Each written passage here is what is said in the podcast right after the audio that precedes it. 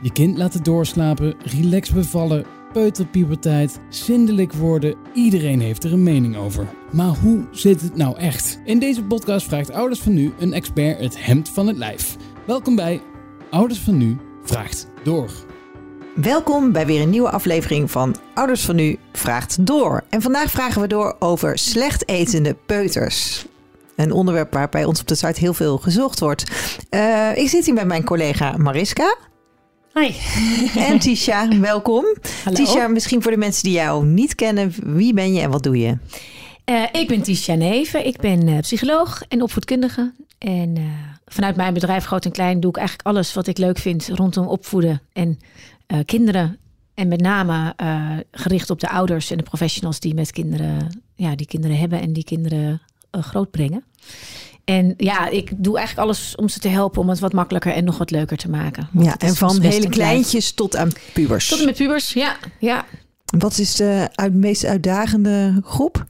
Nou ja, ik zeg altijd wel, ik denk die, die, die, als het helemaal peuterpubertjes worden, dat is natuurlijk echt wel even heel pittig. Dan verandert er even heel veel. En dan zie je meestal zo tussen de zeven en de tien zo'n beetje zo'n wat rustiger moment dat iedereen het wel een beetje doorheeft hoe die kinderen werken. Ja, en dan komt die prepuberteit en die puberteit. Ja, en richt jij je dan vooral op de kinderen of de ouders of het Nee, geheel? nee, de ouders. Nee, ik zeg altijd die kinderen die, uh, die daar kan ik niet zoveel mee. Ja, kan je ook veel mee. Maar uiteindelijk zit het hem altijd in de aansturing door de ouders wat er ook speelt. Dus uh, ik ga echt, ik ben echt, uh, doe echt oudercoaching en maak, schrijf boeken voor ouders, webinars, lezingen, trainingen. Ja. Nou, ben benieuwd. Um, Mariska, kun jij ook even vertellen wie je bent? Ja, ik ben Mariska. Ik werk als uh, chef redactie bij uh, Ouders van Nu. En um, daarnaast ben ik ook moeder van uh, twee jongens. En toen ik hoorde dat het ging over slecht etende peuters, dacht ik, nou, daar heb ik wel ervaring mee. En dus ja, ik zit vol vragen voor Tisha. Nou, mooi. Dadelijk daar meer over. We beginnen even, zoals altijd, met een aantal stellingen. Feit of fabel is de antwoordopties, of zijn de antwoordopties. Boos worden als je kind slecht eet, heeft een averechts effect. Een feit. Spelletjes doen aan tafel is een goed idee. Een fabel.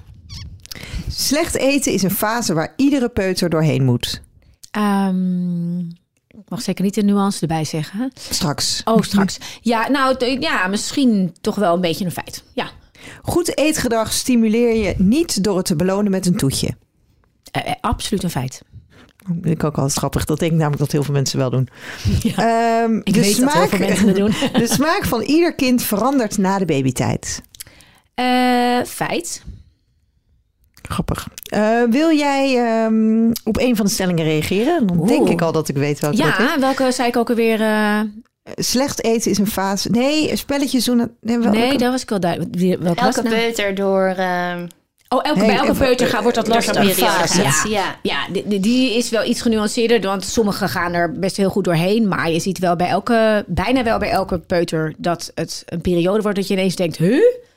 Het ging zo goed en hij at alles en we hadden nooit gedoe. En nou in één keer uh, wordt het toch echt een beetje anders. En als je daar meteen handig op inspeelt... valt dat wel mee. En als je peuter er niet heel erg gevoelig voor is komt het ook snel goed. Maar ik denk wel dat ze bijna allemaal even, dat hoort wel bij die leeftijdsfase, dat daar veranderingen ontstaan. Dus en welke vandaar, leeftijd is dat ongeveer dan? Ja, ik zeg altijd, je ziet eigenlijk altijd dat je uh, een heleboel ouders denken van nou in die eerste jaar richting tot anderhalf jaar, dan denk je vaak, hè, dan ga je met dat voedsel beginnen, doe je alles wat je hoort, wat je moet doen en zo, uh, hapjes pindakaas, uh, omdat dat nu belangrijk is, heb ik net gehoord. Maar ook hoe je dat allemaal gaat doen. En dan zie je vaak dat ouders in dat eerste ruime jaar denken, nou, het gaat prima, je eet alles, lust alles. Uh, wat, waar, hebben ze, waar maken ze zich allemaal druk om? Wat, mijn kind gaat dit goed doen. Ja, vanaf zo'n tussen de anderhalf, zeg maar richting anderhalf, zie je dat er echt op een heleboel gebieden een aantal veranderingen in ontwikkeling door, uh, doorgevoerd worden, zeg maar. Waardoor eigenlijk bij elk kind uh, een hele hoop verandert. En dan zie je dat ouders het gaan twijfelen en denken, huh? En dan begint ook eigenlijk het opvoeden sowieso natuurlijk bij een kind. Ja, en dan is de de, plekken waar, je, waar kinderen macht hun macht hebben. En dat is eten, slapen en zindelijkheid. Hè? Want je kunt wel zeggen, een kind, je propt desnoods het eten in die mond. Maar als hij niet slikt, houdt het echt op. Dat kan hij echt zelf bepalen. En in bed hetzelfde. Je kan hem neerleggen. Je kan zeggen, je moet slapen. Maar als hij niet gaat slapen of hij geeft zich niet over aan die slaap, houdt het ook op. En op een potje uiteindelijk is dat hetzelfde. En dat zijn de gebieden waar die uh, kleine peuterpubertjes heel snel van door hebben dat daar uh, winst te behalen is. Maar dan hoor ik bij jou eigenlijk twee dingen. Eén is uh, de ontwikkeling. Uh, dus dat zou kunnen zijn dat de smaakbeleving ook verandert misschien? Onder andere, ja. Daar zit of is het echt een gedragsding? Is het nee, echt nee, nee, een beetje een bewuste keuze van de peuter om jou dwars te zitten? Het is echt op, op meerdere fronten. En vandaar dat ik ook wel denk, in meer of mindere mate. Hè, je ziet dat er in die, uh, er was ook een stelling over die smaakveranderingen. Je ziet dat er een aantal veranderingen komen in wat ze proeven, wat ze ervaren, wat ze ruiken.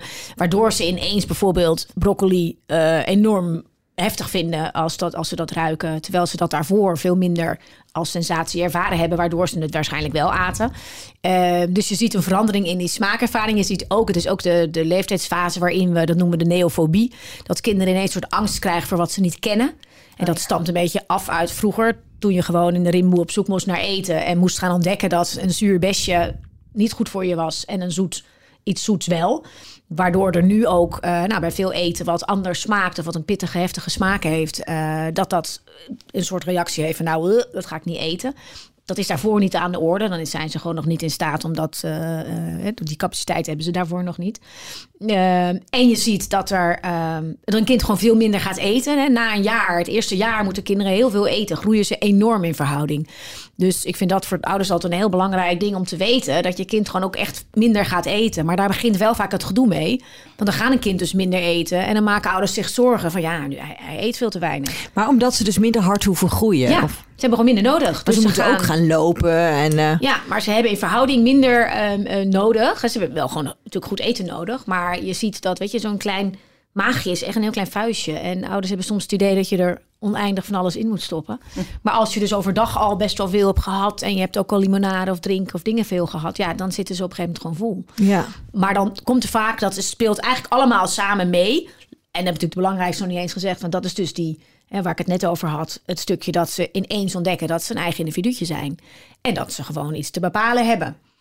En eten is met afstand, los van het feit dat je daar dus de macht hebt of je wel of niet gaat slikken, is het ook een, van de gebieden waarop ouders zich natuurlijk zorgen maken als hun kind niet goed eet.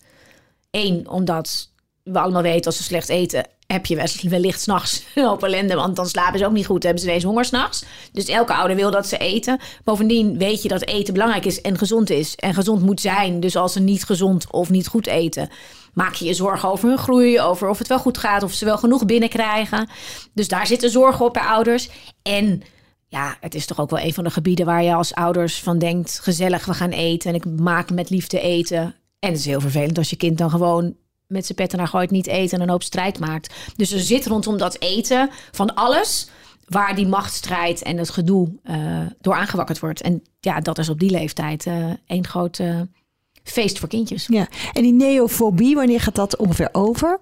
Nou, dat hebt altijd wel weer snel weg. Dat is gewoon in die periode. Nee, want dus, ik heb uh, ook nog wel een kind van zes die bij al het nieuwe zegt, hou ik niet van. Oh, zeker. Ja. ja. en sommige kinderen hebben dat natuurlijk sowieso meer in zich. Hè? En ja. dat is natuurlijk wat je bij dit alles moet meenemen. Elk kind is totaal anders. En sommige kinderen hebben echt moeite met veel nieuwe dingen. Niet alleen uh, de smaak, maar ook de structuur bijvoorbeeld. Of gewoon omdat ze lekker kat uit de boom zijn. En die denken, die denken van nou, ik ga dat niet de hele tijd uh, meteen allemaal uh, proberen en doen. Dus um, dan is die neofobie wel weer uh, achterwege. Ja. Maar dan heb je wel nog dat je dat een kind natuurlijk het gewoon moeilijk kan vinden om allemaal nieuwe dingen uit te proberen. Ja. ja. En wat zou je dan adviseren? Toch één hapje proberen? Dus proeven ja. moet, uh, ik verder zeg, opeten niet? Ja, ik zeg eigenlijk altijd vanaf jongs af aan... Uh, zorg ervoor dat je uh, kinderen echt vanaf, vanaf dus die fase dat ze vast gaan eten... en dat ze andere dingen gaan eten, dat je gewoon inbrengt. We proeven altijd. Van proeven leer je lusten, zeg ik altijd. En dat dat ook op een speelse manier gebeurt. En proeven is ook, en dat vind ik zelf voor ouders belangrijk... in je mond is al uh, je lippen aanraken, is al het begin van proeven. En als kinderen het gevoel hebben, ik moet het dus allemaal opeten, wordt, komt er heel veel lading op dat proeven. Maar, maar dan wordt die machtsstrijd wel groter. Ja, daarom. Dus er moet niet te veel lading op komen te liggen. Maar als je heel veel dingen zitten in dat het gewoon een afspraak is die je van jongs af aan doet. We proeven altijd. En als je het nog niet lekker vindt, als ze eenmaal kunnen begrijpen wat je zegt, dan kun je uitleggen dat je 10 tot 15 keer iets moet proeven voor je aan een smaak gewend bent als je die smaak niet fijn vindt of niet prettig vindt. Uh, ja, dus dan moet je heel veel keren proeven. En dat begint bij die kleinste. En als ze natuurlijk heel jong zijn, ja, stop er dan zoveel mogelijk smaken in. En dat zie je vaak natuurlijk al in dat eerste uh, stuk een beetje misgaan bij ouders. Omdat ze denken, oh, dit vindt hij niks. Nou, dan geven we maar weer wat hij wel lust. Ja, en dat is jammer. Ik zeg altijd, eh, vries het in in van die eh, ijsblokvakjes. en, en trek elke keer zo'n blokje eruit. En laat het weer even proeven. Ook al geef je iets anders wat hij dan wel eet. Of geef je iets anders daarna. Maar wensen zoveel mogelijk al aan die smaken. Ja, ik moest Want- wel lachen dat ik pas van jou een tweet voorbij zag komen... dat je je puberzoon ananas ging brengen. En dat hij zei, nee, daar hou ik niet van. En dat je toen nog zei, maar we proeven alles. En Ja. toen vond hij het lekker ook, ja, toch? Hij, eh, riep maar wat. Dus op een gegeven moment zei hij, oh, ik lust het weer. Ik zei, nou, jij ook. Ja. Ja, nou toen hij klein was, is het wel een mooi verhaal. Hij was, eh, eh, dit was bij ons een soort ding. Eh, Bij, bij dit eten en zo dacht ik echt, dit ga ik gewoon. Je, dit heb ik zo, ik heb er een cursus over gemaakt. Dit is gewoon mijn ding. Het eten gaat lukken. En eh, ik weet dat hij toen, eh, toen was hij, nou ik weet niet hoe oud hij was. Een jaar drieënhalf, denk ik, vier. I don't know, klein nog. En eh, toen wist hij al, zat er al helemaal in van, eh, je moet altijd alles, hè, van, van proeven leer je lusten. Dus ja hoor, we proeven altijd. En daarna of je bord leeg eet en hoeveel je eet, dat is allemaal aan hem. Maar we proeven altijd alles wat we eten. Nou, dus dat deed hij altijd wel braaf. Maar hij was ook wel een slim eh, kereltje daarin. Dus eh zijn prachtig verhaal dat hij op een gegeven moment eh, had... zijn vader had geen couscous, maar die andere. Met die, die, die glibberige. Nou, zeg even. Quinoa. Quinoa, ja. Oh, ja, die, ja. die had hij gemaakt. Met, maar het was... Ja, we hadden het de eerste avond met z'n allen gegeten. En ik moet heel eerlijk zeggen, ik vond het ook eigenlijk... We vonden het allemaal eigenlijk niet zo heel lekker. En, maar goed, we aten. En hij ging het proeven. En hij had hem, dan neemt hij altijd een paar Ja, als het dan klaar is, is het klaar. Hij krijgt altijd zo'n volgende tip. Altijd een bakje rauwkost om een uur of vijf. Zodat je al weet, alle vitamintjes zijn al binnen. Of je nergens druk moet te maken aan tafel. Dus dat deden wij ook nooit. Maar goed, hij had dus braaf een paar happen genomen. En hij had dus toen al, zo klein als hij was in zijn hoofd... van ja, je moet 10 tot 15 keer proeven. En hij kon ook al aardig rekenen toen hij heel klein was. En... eh, toen de avond erna was ik een webinar geven, een lezing geven buiten de deur. En zij waren aan het eten. En, en ja, we gingen weer die quinoa, want we hadden het niet opgegeten. Want dat is het allemaal niet zo erg. Dus toen moest hij weer eten. Dus toen zei zijn vader, en ga je, eh, eh, ga je nog een paar happen nemen? Dan had hij weer een paar happen. En toen zei hij, nou pap, ik heb gisteren vier happen genomen en vandaag vier happen. Dus dat betekent dat ik nog zeker twee tot eh, zeven happen moet nemen... voordat ik gewend ben aan deze smaak. Dat gaat me vandaag niet meer lukken. Ik stop ermee. Oh, mooi. Zo van nou, ja, dit trucje ken ik. ik eh, het is mooi. Dit, Ja. dit ga ik echt niet meer verder proeven. Wat grappig. Dus, maar als hoe meer het zeg maar, dat is een beetje de bottom line, hoe meer het gewoon wordt dat je dat doet. Ehm, en dat je met elkaar ook allemaal zegt: hey, dit is iets nieuws. Of hey, we gaan dit doen. Nou, we nemen altijd even een hapje. Ja. Dan start je niet vanuit de strijd. En gaat, het dan, gaat een kind even in zo'n peuter, puberteit fase die echt... Nou, weet je, dan moet je niet eh, gaan zitten proppen met je hapje. Maar dan kan je wel ook weer kijken. Eh, wat natuurlijk bij die peuterpubers nog gelukkig heel fijn werkt. Is, oké, we, proeven altijd. En ga je het eh, helemaal doorslikken of ga je het alleen even in je mond doen? Nou, hebben ze weer een stukje regie, mogen ze weer kiezen. Want ook in je mond is hoort bij het proeven. Dus het is, het is echt, het is niet altijd dat je het helemaal moet opeten. Soms lukt dat gewoon niet voor een kind. En dan maak je dus in kleinere stapjes. Of je zegt, je legt drie stukjes neer en dan zeg je, ga je die grote of die kleine? Nee, we gaan even proeven. Neemt het groot hapje of de kleine? Ja. Ja. Hey, je gaf hem net al een beetje weg. We we nemen ons elke keer voor om de vraag van de luisteraar aan het begin te doen. Anders is hij al geweest. Maar ik ga hem toch nog even laten horen. Hoi, ik heb een vraag over ehm, mijn zoontje van drie. Hij eet op een moment heel slecht. En ehm, het is elke avond drama aan tafel. En ik vroeg me af, als ik hem nou om een uur of vijf, als ik hem voor een filmpje even op de, op de bank zet, terwijl ik aan het koken ben, alvast wat paprika en komkommer en zo geef. Is dat een goed idee of eet hij dan nooit meer mee aan tafel? Dankjewel. Ja, leuk. Eh, ja, een heel goed idee. Ik heb het levende bewijs thuis zitten. Die, eh, die is nu eh, 12. Die eet nog steeds elke dag. Nee, maar je denkt, maar ik tijd. kan me wel voorstellen waar het vandaan komt. Want als ze dan al gegeten hebben en je zit aan tafel en ze eten helemaal niks meer. Dat je ook kan denken, ja, aan tafel samen, daar eten we. En niet Ja. een uur ervoor op de bank. Ja, weet je waar het hem in zit? Is dat het sowieso zeg ik altijd als jouw kind s'avonds slecht eet, eh, of weinig eet, of niet eet, of er komt heel veel gedoe. ehm, ga sowieso. Er zijn een aantal dingen waar je gewoon alvast naar kunt kijken. Eén is eh, eten we op tijd. En als je niet op tijd eet, is het voor sommige kinderen gewoon over hun moment dat ze nog rustig kunnen eten. En dan zijn ze gewoon, ja, dan krijg je alle ellende van dien. Kunnen ze, kun je waarschijnlijk doen wat je wil, maar dan gaat het gewoon niet meer werken. En dat herken je pas als je een aantal dagen vroeg gaat eten en gewoon gaat zien of het makkelijker gaat. Heel simpel. Kijk wat er werkt. Ehm, dus op tijd eten is een belangrijk. Voor sommige kinderen is het anders echt uh, pittig. Zeker als ze in die fase, want een peuterspuber zijn ze vaak ook echt gewoon kapot aan het eind van die dag. Um, een tweede is dat je natuurlijk heel goed kijkt naar wat eet een kind overdag. Kijk, als een kind heel veel tussendoortjes eet, heel veel zoetigheid heeft gehad, ja, dan is die op een gegeven moment klaar. En dan heeft hij niet meer heel erg die behoefte om nog te eten. Als jij weet dat jouw kind aan tafel uh, een periode heel slecht eet of heel veel stennis maakt, wat dus hoort bij die leeftijd, dat is echt niet gek. Dan zitten ze gewoon in die dwarse fase. En jij gaat je dan zorgen maken omdat je denkt, als hij niks eet, dan gaat hij, uh, heeft hij te weinig binnen, gaat hij niet slapen, is het ongezond, de hele riedel. Daar begint de echte strijd aan tafel vaak mee. Dat wij ons als ouders zorgen maken en gaan irriteren, maar ook ons zorgen maken over mijn kind moet gezond eten. Op het moment dat jij inbouwt dat jouw kind overdag. Uh, en als je merkt, mijn kind eet dan helemaal niks meer. Nou ja, dan doe je het eerder op de dag. Het maakt niet uit welk moment je die rauwkost geeft. Maar gewoon de vitamintjes, de dingen die een kind binnen moet krijgen, al geeft. We weten gewoon dat dat 9 van de 10 keer op die leeftijd makkelijker werkt als je het niet aan tafel doet en als het rauw is. Dat is gewoon makkelijker. Die, die, die gekookte groenten en de lucht erbij is voor veel kinderen gewoon nog een pittige, pittige toestand. Dus bouw die momenten in op een moment dat het voor jou handig is. Ik vind het zelf een heel handig moment om dat te doen tijdens het, uh, het, schermmomentje. Want dat was bij mij altijd om vijf uur. Maar dat doe ik als dat om zes uur was. Ja, dan heeft hij natuurlijk helemaal geen honger meer. En als je veel te veel doet, is dat ook anders. Maar rauwkost, weet je, dat knabbel je weg. En het voordeel waar je gebruik van maakt eigenlijk is... Ja, zet ons met een zak chips of een pak koekjes eh, voor een film. En die eet je voordat je het weet dat je... Oh, huh? Je bent niet eens bewust dat je het hebt gegeten. Dat is precies waarom we ook zeggen: uh, wees je bewust van eten. Uh, kinderen moeten bewust zijn van wat ze eten, ook aan tafel. Hij kwam al voorbij volgens mij. Ga je met allemaal schermpjes en zo werken en afleidingsmanoeuvres, dan eet je niet bewust. Dus je leert ook niet voelen wanneer je genoeg hebt of wat dan ook. Ja, ik denk, maak daar gebruik van als je het hebt over rauwkost en gezonde dingen. Want als zij dus voor dat schermpje zitten of voor die tv, knabbelen ze zo een hoop dingen weg. Je geeft ze al die smaken, je doet er steeds wat anders bij. Je maakt gewoon een, een leuk bordje met van alles een beetje. En je leert ze zo in ieder geval al die smaken eten en die gezonde dingen eten.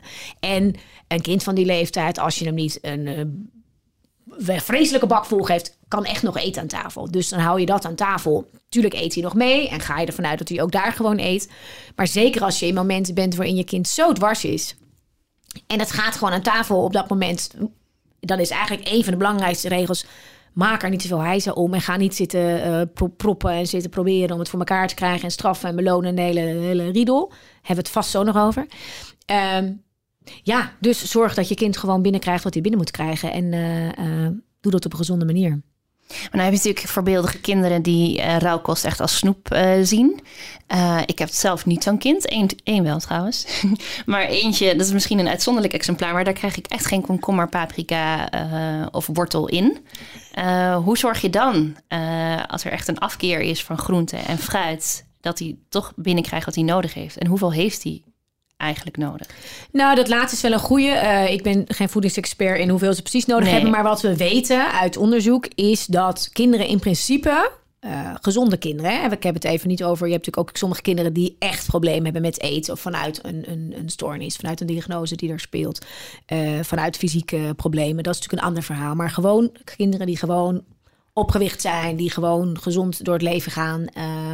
Daarvan weten we dat ze in zeg maar twee weken tijd ongeveer binnenkrijgen gemiddeld wat ze binnen moeten krijgen. Zo werkt ook zo'n lijf die eh, aan, aan zuivel, aan uh, vitamine, mineralen en dat soort dingen. Uh, een kind, een gezond kind, ja, het is fijn dat ik nu in een podcast zit en niet in een blad wordt geciteerd. Want het is nog wel eens misgegaan als ik dit zei.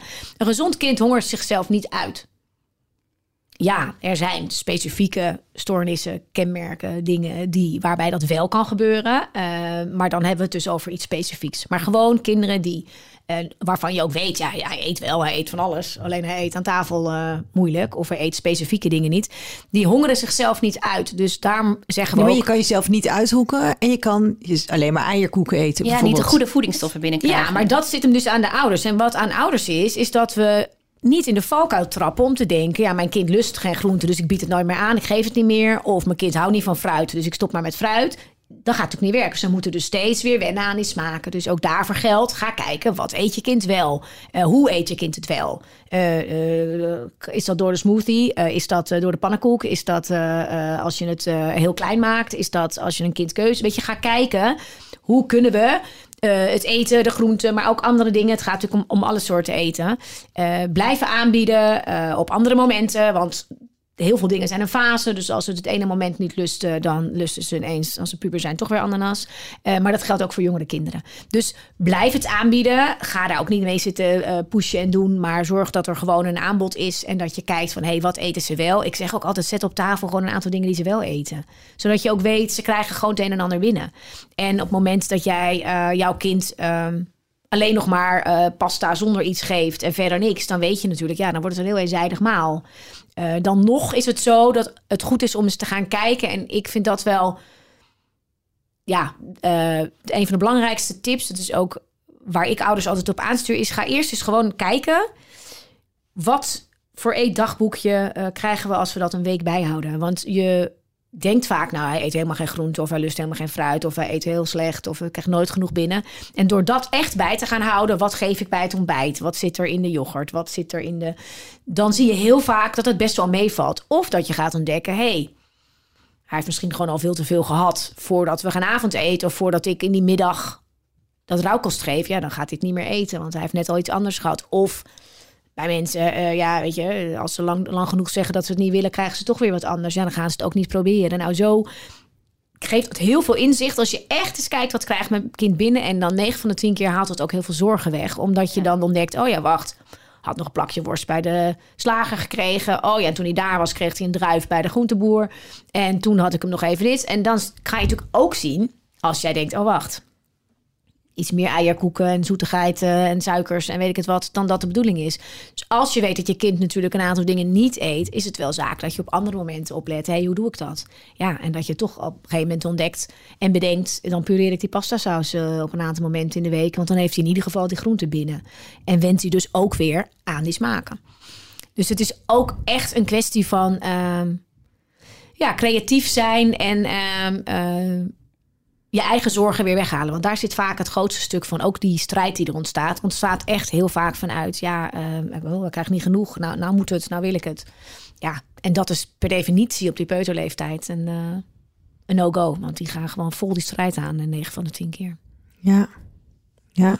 En um, het is dus helemaal niet zo erg als je apart kookt voor je, voor je peuter. Als je dat in een bepaalde fase doet om die strijd te voorkomen en een beetje in harmonie aan tafel te zitten. Het allerbelangrijkste vind ik dat kinderen van jongs af aan leren, en dat zie ik vaak uh, anders gaan, maar dat je van jongs af aan gezamenlijke maaltijden gaat doen. En dat jij uh, ervoor kiest kan om allerlei redenen zijn. Dat je zegt, nou weet je, wij eten als volwassenen toch nog later wat anders. Of dan eten we echt, of weet ik veel wat. Ik ben er niet voor. Ik ben, vind altijd het mooiste als je gewoon vanaf jongs af aan zegt... oké, we eten met z'n allen. En dat je wat extra's erbij maakt of erbij zet iets wat rauw is of iets wat. Uh, nou, dat bedoel ik. Dat je wel een aangepast maaltje maakt waarvan je weet, oh, dit lust hij wel. Nou ja, ik zeg altijd, als jij je zorgen maakt over wat een kind binnenkrijgt, dan is het dus zinvol om dat te doen. Als jij merkt, nou weet je, hij krijgt genoeg op een dag en hij heeft wel die rauwkost al op. Ja, dan kan je hem ook heel snel leren. We eten wat we eten aan tafel. Maar als jij het gewoon al vanaf de start op tafel zet en daar een keuze in hebt. Of als hij wel tomaatjes eet, in ieder geval een paar tomaatjes op dat bordje erbij legt, die hij nog kan eten. Dan is dat gewoon onderdeel van de maaltijd. En het samen eten, het zien eten, het zien genieten van eten, het zien dat je allemaal proeft. Uh, dat is een van de allerbelangrijkste dingen rondom het eten. En vooral uh, het feit dat je dan ook veel meer met elkaar uitgenodigd wordt om te gaan kletsen in plaats van alleen maar bezig te zijn met het eten. Wat ik heel veel zie bij die kleintjes, is dat ouders natuurlijk één op één met een kind bezig zijn met eten of hoe een kind eet of hoe die zelf eet of het voeren. En dan ben je dus ook overal zit je bovenop. Ja, dan ligt er te veel nadruk op. Ja, en dan is het dus ook voor zo'n kind, ja, als je dat niet doet, ja, dan zie dan is ja, jij bent met je kind bezig. En dat is zo mooi. Ik had laatst een. Uh, ik krijg veel vragen natuurlijk over eten en dan coach ik ouders ook. En ik zeg altijd: het is mooi als je. Uh, ik, vertrouw, ik geloof dat in alles in opvoeden is mijn manier van werken. Dat je heel erg vanuit de oplossingsgerichte kant kijkt. Dus we kijken heel erg naar wat lukt er wel. Dus als ouders bij mij komen, ik had laatst een stel ouders die hadden een uh, vraag over hun eten. Want die, dat, uh, nou ja, hun, hun peuter die had heel slecht en maakte alleen maar strijd. En het was een drama aan tafel en elke keer gedoe. En dan nog een iets, een oudere dochter, iets oudere dochter en nog een baby. Dus ik laat ze dan eigenlijk, voordat ik erover in gesprek ga, laat ik ze eerst gewoon observeren. 9 van de 10 keer is dan al een heleboel ontdekt. Dus ik liet ze een eetdagboekje bijhouden en ik liet ze observeren bij de maaltijden. En wat ik dan doe is niet vragen, omschrijf nou precies die maaltijd waarin het allemaal misgaat. En dat is een beetje de gangbare manier, want uh, en dat kunnen ouders ook heel goed reproduceren altijd wat er misgaat en wat er dan allemaal uh, voor gedoe is. Maar ga juist eens focussen de komende twee weken op de maaltijden waarvan je denkt, nou, nu is er best wel wat gegeten. Of nu was het eigenlijk wel oké. Of nu ging het best wel goed. Of het was iets minder erg dan anders. Maakt dan niet uit. Ik laat ze vaak een cijfer geven. Zeg ik, wat is je gemiddelde cijfer nu? Ja, de avond later is echt een 4. Ik zeg, oké, dan ga je alle 4,5 en hoger ga je noteren. En dan noteer je ook en denk je na over wat was er allemaal in de situatie? Wat aten we? Wie waren aan tafel? Hoe laat aten we? Uh, hoe hebben we gereageerd? Want vaak bij eten zie je dat je alles door elkaar gaat doen. Want het ene moment heb je, dan denk je, ach, ik moet het loslaten. Geen strijd aan tafel, heb je gehoord, roept iedereen. Dus dan denk je, dat ga ik niet doen. Ik eh, zoek het maar uit. Nou, dan heb je de ene reactie. De volgende keer ben je op en moe als ouder en denk je, nou, nu ontplof ik echt. Want nu ben ik zo zat na vier dagen. Laat me gaan. Ik, uh, ik ontplof. Uh, nou ja, soms misschien ook een beetje wanhopig. Dat je daardoor alle zes methodes tegelijk Heel logisch. Dus volgende keer denk ik, ik ga een beloning. Ik ga toch dat toetje erin gooien. Ja. Of ik ga nu, uh, ik zet nu toch maar een filmpje erbij. Misschien werkt dat. Of je ja. gaat zeggen, nou anders ga ik de gang. Nou, dat kan van alles zijn. En vaak doen we alles door elkaar. En als je met z'n tweeën bent, al helemaal. De ene keer de een doet de een en de ander doet de ander. Iedereen haalt alles uit de kast. Voor kinderen op deze leeftijd is dat een feestje. Want het is elke keer weer een hele grote verrassing van wat gaan ze nu uit de kast trekken? En wat gaat er gebeuren? Als jij in die fase bent dat je daar heel erg glinsteroogjes van krijgt, boevenogen van krijgt, dat is dan is dat fantastisch. Want gaan ze nu, gaat ze nu weer ontploffen, die moeder van mij? Of moet ik ineens op die gang? Of hoef ik ineens niet te krijg ik toch een boterham? Allemaal fantastisch.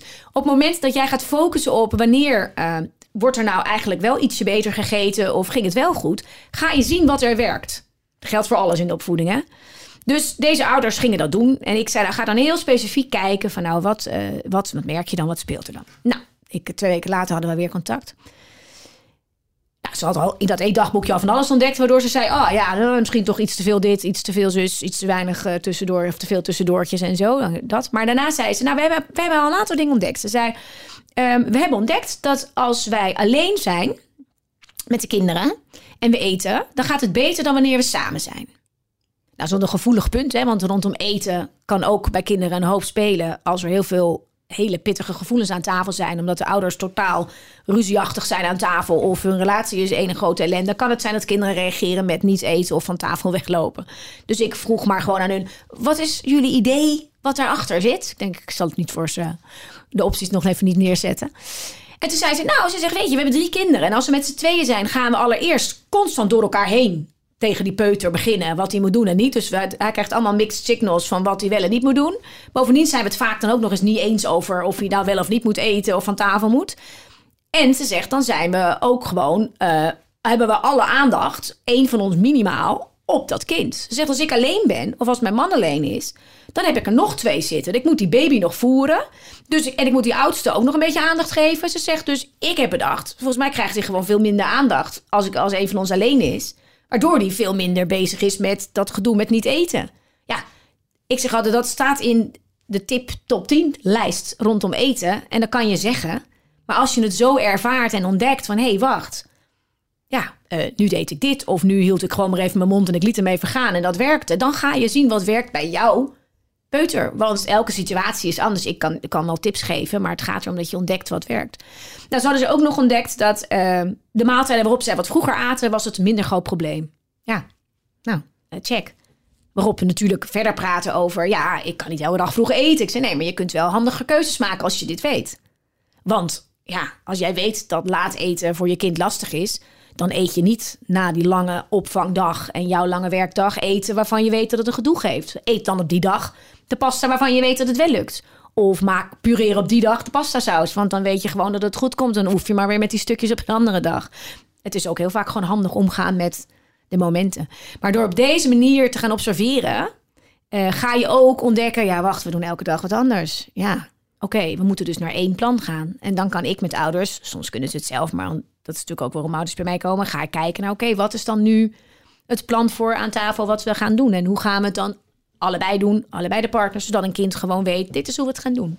En dan wordt dat de nieuwe routine. Dan heb ik het echt over de kleintjes nu, hè? hey, ik hoorde jou net zeggen, dan krijgt hij wel dat toetje. Krijg je dan eigenlijk normaal niet dat toetje? Nou, kijk, dat toetje is een enorm eh, interessant ding. Ehm, ik kan het best beginnen met een voorbeeld en dan snap je gelijk waarom ik, eh, eh, hoe mijn idee is over die toetjes. Ik was bij een gezin en dat jongen, die jongen was, ik denk, een jaar of acht. En die eh at heel slecht ook, groente en zo. Die had gewoon geen zin in. En die was eigenlijk zijn hele leven al een beetje gewend om dan te krijgen wat hij uiteindelijk wilde. Dan kreeg hij vaak toch nog een boterham na aflopen, omdat zijn moeder dacht hij moet toch nog wat hebben. Dus nou, zo'n verhaal. En uiteindelijk hadden zij bedacht, nou ja, we gaan gewoon die, dat toetje als beloning inzetten, want dat werkte perfect. Dus, eh, nou, dat hadden ze gedaan.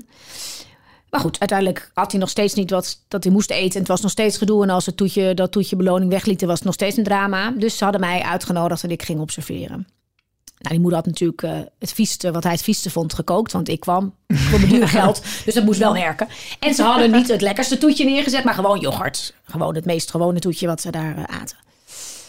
Nou, nou, die jongen wist verder niet precies wie ik was en wat ik kwam doen. Dus ik zat gewoon, ik was erbij. En eh, nou, die jongen keek op tafel en zoals het vaak gaat, riep hij al: "Eeuw, Wat eten we? Dus die moeder die zei heel triomfantelijk: spinazie. Dus hij. Nou, het was duidelijk, dat was niet wat hij wilde. Waarop zijn volgende vraag was: Wat is het toetje vandaag? Waarop die moeder zei, die dacht: Ha, ik heb hem. Die zei: "Eh, Yoghurt. Oh, zei hij. En ging geen spinazie eten natuurlijk. Hij was al zo geprogrammeerd en geconditioneerd op dat toetje. Dat hij gewoon afwoog. Ja, wat is het toetje? Als dat een heel lekker ijsje was geweest, nou, dan had hij die spinazie daarvoor voor lief genomen. Want dan kreeg hij dat ijsje. Eh, maar van yoghurt ging hij niet. Daar ging hij iets vies niet voor eten. Dus hij was enorm. Dus het werkte natuurlijk voor geen meter meer, dat hele belonen. En krijgt hij uiteindelijk wel nog ook een boterham dan? Of een appel? Toen ik er was, uiteraard niet. Maar Nee. meestal, eh, ja, meestal wel. Het, het- er komt vaak gewoon een verkeerd patroon. Omdat je uiteindelijk in je wanhoop, in je onrust, in je zorgen... toch denkt, ja, nou, oké, daar gaan we maar weer. Heel vaak zie ik het bij die hele kleintjes met pap die ze s'avonds nog krijgen. Die fles pap. En die is dan ook nog een soort, op die leeftijd... Hè, die, dat je die boterham niet moet geven... dat weet eigenlijk iedereen stiekem, denk ik wel... Maar die fles pap, ja, die, krijgt hij altijd. Maar als een, een kleintje weet dat die fles pap nog volgt... dus dat hij echt toch wel gewoon krijgt wat hij moet krijgen... en jij maakt niet goede afspraken over dat eten... en je houdt daar niet een goede eetroutine over aan... maar het wordt daar een gedoe of ze krijgen uiteindelijk... ja, toch nog gewoon die fles pap meteen daarna... en dan een wat groter omdat ze niks gegeten hebben... of je geeft wel die boterham of iets anders... ja, dan weet een kind gewoon dat dat komt. Ja. Hey, en kan het niet toch op latere leeftijd dat je denkt: ik heb geen, geen zin in al dit gedoe. Als hij een keer, dan krijgt hij een boterham. En als hij 16 is, gaat hij echt wel quinoa eten. Nou, die quinoa vraag ik me af, want die was Ja. echt lekker. nee, nou ja, ik, ik, ik denk dat het... het mijn neefje had, deed echt... Die woont in Engeland en mijn zus woont in Engeland. En ik was daar vaak toen zij klein waren. En die at echt niets. En ik denk dat daar ook wel iets meer mee speelt. Die was heel gevoelig voor alle stukjes, dingetjes, smaken. En mijn zus heeft, ondanks dat ik nog mijn best heb gedaan... een beetje bij te sturen als ik daar een keer was... alles gedaan wat ik niet zeg dat je moet doen, zeg maar. Die at alleen nog maar van die hoeps in tomatensaus. En die kregen eh, altijd aparte maaltijden. Ze aten nooit met z'n allen. Hij at alleen maar wat hij wilde. Nou, zo echt. Ze maakte alleen geen strijd, maar voor de rest hebben ze hem niets gegeven wat hij moest proeven. Hij at ook niks. Hij had er geen korstjes, geen. Nou, het was echt heel lang. Dat mijn zoontje zelf zei. Zij eten helemaal niks. Toen hij klein was. En die was gewend dat hij bij ons altijd iets moest proeven. Nou, dat deden ze helemaal niet aan. En nu is hij puber, inmiddels is hij 18. Maar vanaf dat hij puber werd en af en toe ergens wilde gaan eten... en in een restaurant kwam en eigenlijk niets lustte... ehm, en zich heel veel zorgen maakte of hij wel iets lustte... en hoe, of hij dan opviel Ja. als hij... Nou, dat, dat werd ineens een andere lading... omdat hij het gewoon heel vervelend vond... dat hij zo'n buitenbeentje was met alles. Ja. En toen is het moment gekomen dat hij wel zelf met eten ook... is uiteindelijk toch nog dingen is gaan proeven en gaan doen. Eh, ik ken ook heel veel verhalen van met name ouders... En als we het dan hebben over hoe eh, krijg je je kind aan het eten, heel vaak speelt er wel iets mee met de ouders die ook bijna niks eten. Dus dat een kind elke dag het voorbeeld ziet aan tafel dat een vader ook geen groente eet. En dat hij het heel vies vindt. Ja, dan geef je natuurlijk een hele boodschap. Ja. En dat is, oh, dat is nog wel even mooi over dat toetje nog. Ehm, waar ik, weet je wat met dat toetje het lastige is? En dat is juist wat ik, je wil dat een kind een gewone oké verhouding krijgt met eten. Eten is, eh, moet niet te veel nadruk liggen bij het eten op dat het gezond is en dat het moet. Want dan leg je een lading op eten. Ehm, ja, hè, als je het niet eet, nou dan word je ziek, dan krijg je dit. Dan, dan komt er heel veel lading op. Dat maakt dus ook dat er heel veel winst te behalen is, maar het maakt ook dat het eten heel beladen wordt. Als je zelfs voor eten een heel lekker toetje krijgt als je dat doet, dan zeggen we eigenlijk indirect. Ja, dit is echt heel vies waar je moet eten. Het is heel, dus, maar, je- dus je wordt enorm beloond als je dat gaat doen. En dat is natuurlijk helemaal niet wat je wil met eten. Je wil gewoon dat een kind weet. ehm, ja, eten is gewoon eh, wat we. Net als tanden poetsen. Ja, dat het moet. hoort er gewoon bij. Het is gewoon een onderdeel van. En dat vind ik mooi als je bijvoorbeeld naar de opvang kijkt.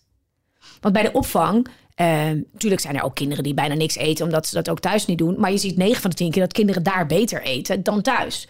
Dat heeft met een aantal dingen natuurlijk te maken. Het is daar met, je bent met heel veel. Je ziet alle kindjes eten en eh, nou, dat zien eten doet eten. Bovendien maakt niemand daar een heisa van als jij niet eet. Het is veel minder aandacht op dat niet eten. Er is veel meer aandacht voor leuke gesprekjes. Alles wat we thuis ook proberen te adviseren aan ouders. En er is daar nooit iemand die de hele tijd bezig is met... nee, maar je moet dit wel eten, dat fruit, want het is heel gezond en dat moet. En nu moet je echt, nee, anders krijg je niks anders. Nee, want er is gewoon een fruitmoment. Je krijgt daar überhaupt niks anders. Dat die routine is daar heel duidelijk. En dan gaat er gewoon een bord langs en je pakt iets eraf. Van je mag wel zeggen welke je wil proeven of eten. Maar in principe komt alles voorbij. En heel veel smaken. En dan zie je dat die lading met... ehm, het, is, het moet, want het is gezond en het is, je wordt ziek als je niet eet. Die moet je ook eigenlijk een beetje eraf laten. Ja. Want dat geeft natuurlijk ook heel veel van alles bij een kind. Ja. Ja, we hebben het nu dan gehad over de, het toetje en de boterham. maar als je de boterham zou vervangen door bijvoorbeeld een appel, is het dan wel oké? Want eh, je hebt natuurlijk kinderen die zeggen, nee, ik zit vol. Ik zit echt vol. En dan een half uur, oh, Ik heb honger, ja. En die heb ik ook een. Ja. Ja. Nou ja, Zo'n honger. ja dan Ik heb net allemaal ik dacht dat ik... Ja, ja. ik dacht echt dat ik eh, genoeg had. Maar ik heb echt... vond, ik vond het ook niet zo heel lekker, dus ik at niet zoveel. Maar ik dacht wel dat ja, ik ik genoeg dacht echt... Ja, weet je, ik- het, laten we eerst nog even met dat, want het zit natuurlijk allemaal in wat geef je dan toch daarna. Dat toetje is natuurlijk eh, een andere kant van het toetje is dat ik hem ook niet als straf zou weglaten. Ik, bij mij hoort een toetje gewoon altijd erbij. Eh, Waar ik vanuit ga dat we in de basis gewoon gezonde toetjes eten. Als je natuurlijk altijd een toetje maakt wat een feest is met ijsjes en, en, en weet ik, pudding en weet ik het wat allemaal. eh, is dat, ja, dan- kan dat een ander verhaal zijn. Eh, of dan gaat het waarschijnlijk ook goed, dus dan hoort hij er ook bij.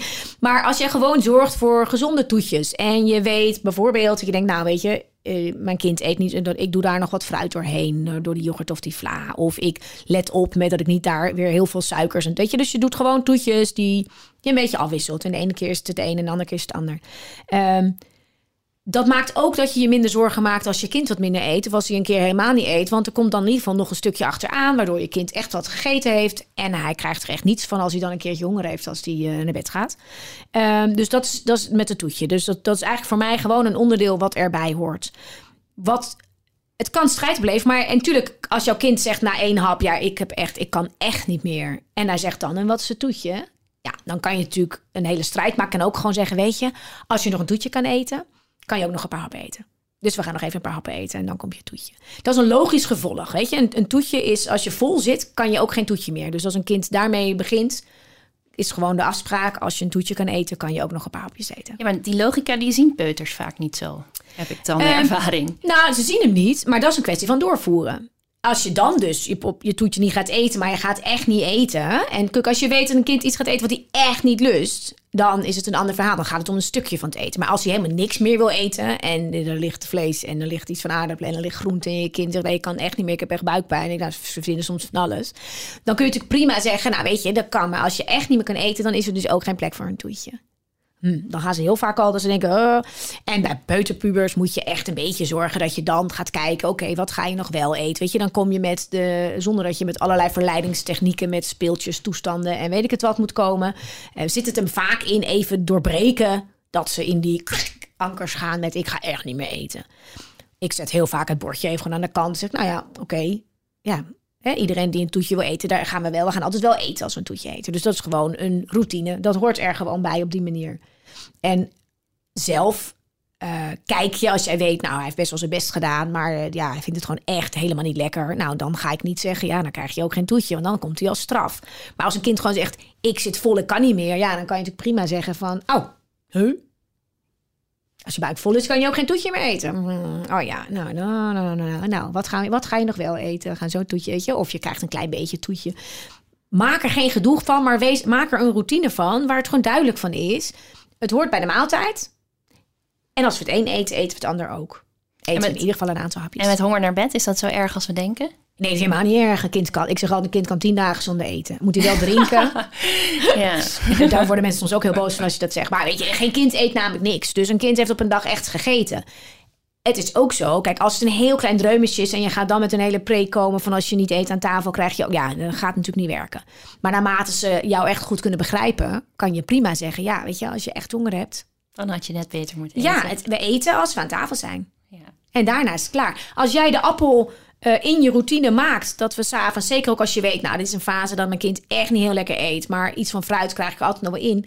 Dan wordt dat, maak je daar een routine van in je avondverhaal. We eten altijd nog een appeltje voor we gaan slapen. Niks aan de hand.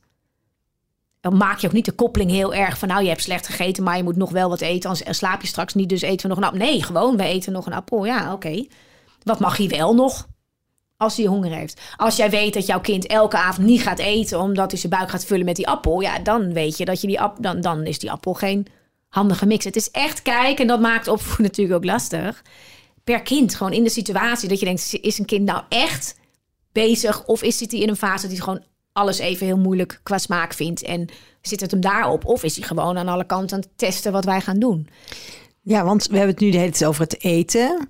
Is het bij deze fase dan ook het belangrijkste om gewoon te kijken als het er maar in gaat? Of moet je ook nog zeggen, we blijven aan tafel zitten, we doen onze knieën onder de tafel. We, ehm, want dat is Ja. ook wel iets wat bij ons strijd oplevert. Dat ze zo zitten Ja. of al van tafel weglopen voordat we een toetje hebben. Of, eh, Ja, ja ik, eh, ik zeg altijd: ehm, ehm, kijk echt wat jij belangrijk vindt. Want ehm, netjes eten en aan tafel blijven zitten en recht blijven zitten en alles opeten en alle smaken proeven. Is echt een heleboel op die leeftijd. Want Ja. ze hebben al veel te veel onlust in dat lijfje. En sommigen kunnen gewoon nauwelijks stilzitten. Dus dan kan je wel gaan zitten op je moet aan tafel. Ja, als een kind echt niet meer kan stilzitten, zeg ik altijd, dan kan je beter zeggen: loop maar even drie rondjes om de tafel en kan je, kunnen je benen weer rustig aan tafel zitten. Want als, je, als een kind niet meer kan stilzitten of hij is zo moe dat hij gaat hangen en we gaan dan zitten, ja, je moet rechtop zitten. Het kan, maar dan gaat alle lading daarop. En voor Ja. het weet ben je dus met alles bezig. Ja. Hetzelfde is met netjes eten. Ja, jongens, nou daarvan zeg ik dan, tegen de tijd dat ze bij hun schoonmoeder moeten eten, gaan ze echt wel met, met een vork Ja. eten. En laat ze gewoon zelf experimenteren. En, en, en eh, eh, eh, tuurlijk kun je zeggen, dit vind ik echt belangrijk. Ik noem maar wat, je mond een beetje dicht doen. Vind ik echt een belangrijk eh, iets. Want ik kan er gewoon niet tegen als ze er met zo'n smakkerige mond zitten. Maar ga vooral niet te veel zitten op alle regeltjes en alle randzaken. Dat gebeurt ook vaak omdat we ons irriteren over dat eten. Weet je, op het moment dat we gewoon lekker bezig zijn, eh, zie je vaak ook dat we dat allemaal een beetje meer loslaten. Ik zeg dus ook vaak: schrijf dus op welke maaltijden goed gaan. En dat is lollig, want dan zeggen ouders: ja, nou ja, eh, vrijdags eten we altijd patat of pannenkoeken. En dan gaat het wel goed. Ik zeg: nou, schrijf maar eens op hoe die maaltijden verlopen. En dan zie je hele interessante dingen. Want tijdens die maaltijd, ja, dan let je vaak veel minder op hoe ze eten. Want pannenkoeken en patat mag je met je handen eten. Je mag het oprollen en dan ruikt die stroop eraf. Wat dan ook. Dus zeg, ah, ja, dat ik niet zo, daar ga ik niet op letten hoe ze eten. Dat vind ik allemaal prima. Met de pannenkoeken mag alles. Oké. Nou, zegt ze, eh, en, de kinderen mogen het zelf klaarmaken. Vinden ze superleuk. Dus dan doen ze zelf alles erop. En dan mogen ze zelf een beetje dit. En dan mogen ze met hun handen eten. Oh ja. Nou, we hebben altijd hele gezellige gesprekken over dit. Of we maken leuke gezichten. Dan zitten alle ingrediënten die ook weer in dat top 10 lijstje staan. Maak het gezellig. Praat over andere dingen dan over eten. Praat ook over andere dingen dan over niet eten. Dat gebeurt namelijk ook niet als je pannenkoeken eet. Eh, eh, zit niet overal zo bovenop. Eh, laat ze zelf eh, opscheppen, hoeveelheden bepalen en doen. Al die dingen zitten in die maaltijd waarin je eet wat ze lekker vinden. Hebben we dat hele top 10 lijstje behandeld eigenlijk? Hebben we nog niet behandeld. Nee, nee, maar ik bedoel meer, want je zegt, want je hebt er natuurlijk wel een Nou paar ja, opgenomen. zijn- ja. Dus, maar ja, maak het tijd eten. Ja, laat ze zelf helpen. Dat is natuurlijk eentje die iedereen ook wel ergens heeft gehoord. En nogmaals, niet elk kind wat je een moestuin eh, eh, laat maken en laat helpen met sla klaarmaken, gaat het meteen eten. Maar je ziet vaak dat, zeker op die leeftijd, dat ze dat van alles willen bepalen. En ook de temperamentvolle exemplaren die eh, al ouder zijn, maar eh, ook nog steeds de regie heel graag willen houden, doen het er heel goed op dat ze mogen meedenken over wat eten we, wat gaan we uitzoeken in de winkel, helpen met klaarmaken. Eh, dus dat is een, een belangrijk ding wat voor veel kinderen fijn is en werkt. En het eten in een positief eh, stukje Ja. zet. Dus dat zijn heel veel ingrediënten die in ieder geval belangrijk zijn. Ehm, nou ja, ik zeg altijd, bied het aan op andere momenten. Vind ik altijd een heel belangrijke tip. Dus kijken wanneer ze het willen eten. Bij de lunch gaat het vaak makkelijker, zijn ze minder moe bijvoorbeeld. Eh, dus dan kan je ook kijken wat je wel vast aan rauwkost of iets geeft... of aan eh zuivel of aan wat dan ook. Ehm, dan hebben we eh eet op tijd. Dat hebben we natuurlijk besproken Eet samen. eet samen. ehm, laat kinderen. ja, ja, een van mijn, van mijn, van heel veel van ons stel dingen is: jij bepaalt wat er gegeten wordt. Een kind bepaalt hoeveel. Hè, want die vind ik ook nog wel fijn om mee te nemen. Moet je nou wel of niet je bord leeg eten? Vroeger was dat natuurlijk een enorm ding van je moet je bord leeg eten. Nou, wat we ook weten is dat heel veel van onze generaties niet hebben geleerd om te voelen wanneer heb je genoeg. Het lastige daarvan is dat die kleintjes heel vaak roepen dat ze genoeg hebben, terwijl je denkt, ja, je hebt helemaal niet genoeg. Maar Ja, die dan als kinderen houden- al ja. denken van... oké, dit is hoeveel ik ga eten. Nou ja, weet je, dat, dat, dat weten we allemaal ook wel. Dat je dan denkt, oké, nu speelt er even een ander stukje mee dan dat hij echt genoeg heeft. En aan de andere kant, als kinderen weer wat ouder worden, ga je ook zien ehm, dat ze echt moeten gaan aanvoelen. Ehm, dat ze echt moeten gaan aanvoelen of ze wel of niet eh, eh, nog honger hebben of nog trek hebben. En je wil wel dat een kind leert voelen, ik heb genoeg of ik heb niet genoeg. Nou, dat leer je niet als je altijd je bord leeg moet eten.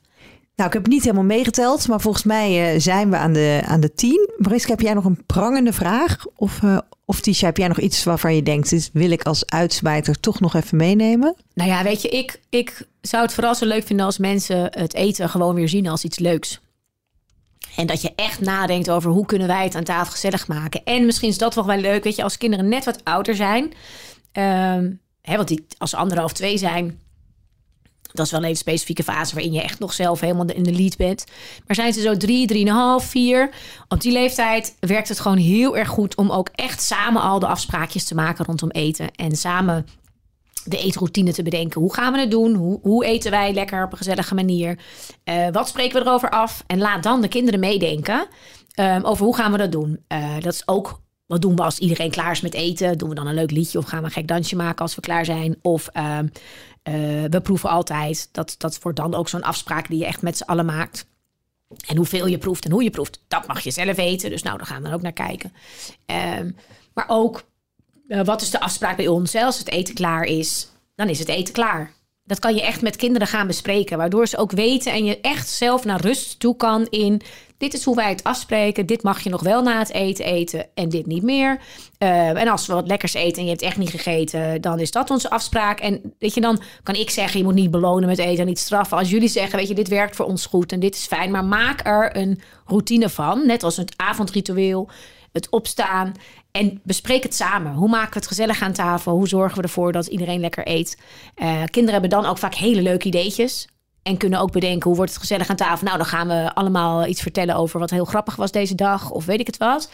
En zo ga je de aandacht afhalen van het niet eten. En van alle ellende rondom eten. En dat Ja. is vaak, als ze wat ouder worden, wel een eh, Nou, dingetje. goeie. We gaan het allemaal doen. Eh, als mensen meer informatie willen, kunnen ze op jouw site terecht, denk ik. Ja, op mijn site kunnen ze terecht. En, eh, en dat is misschien wel heel leuk, want ik heb dus ook een, eh, een, een cursus rondom eten. Weer gezellig aan tafel. En daar staat ook, want dat is voor de nog wat oudere kinderen heel fijn, echt een plan hoe je kinderen dingen kunt leren lusten. Want ja, ik geloof heel erg in het speels maken en samen op zoek naar de oplossingen. En eh, ja, daar moet je echt mee aan de slag in je eigen situatie om echt veranderingen te maken. Als je echt met een enorme strijd aan tafel zit, dan is, zijn tips leuk. Maar dan moet je ook wel echt even zelf op zoek gaan en... eh, Ja. En waar vinden mensen deze cursus? grootenklein.nl kun je nou. mijn eh, online cursussen vinden en alle andere webinars en dingen. Goed zo. Nou, heel veel dank. Ja, Geen dank.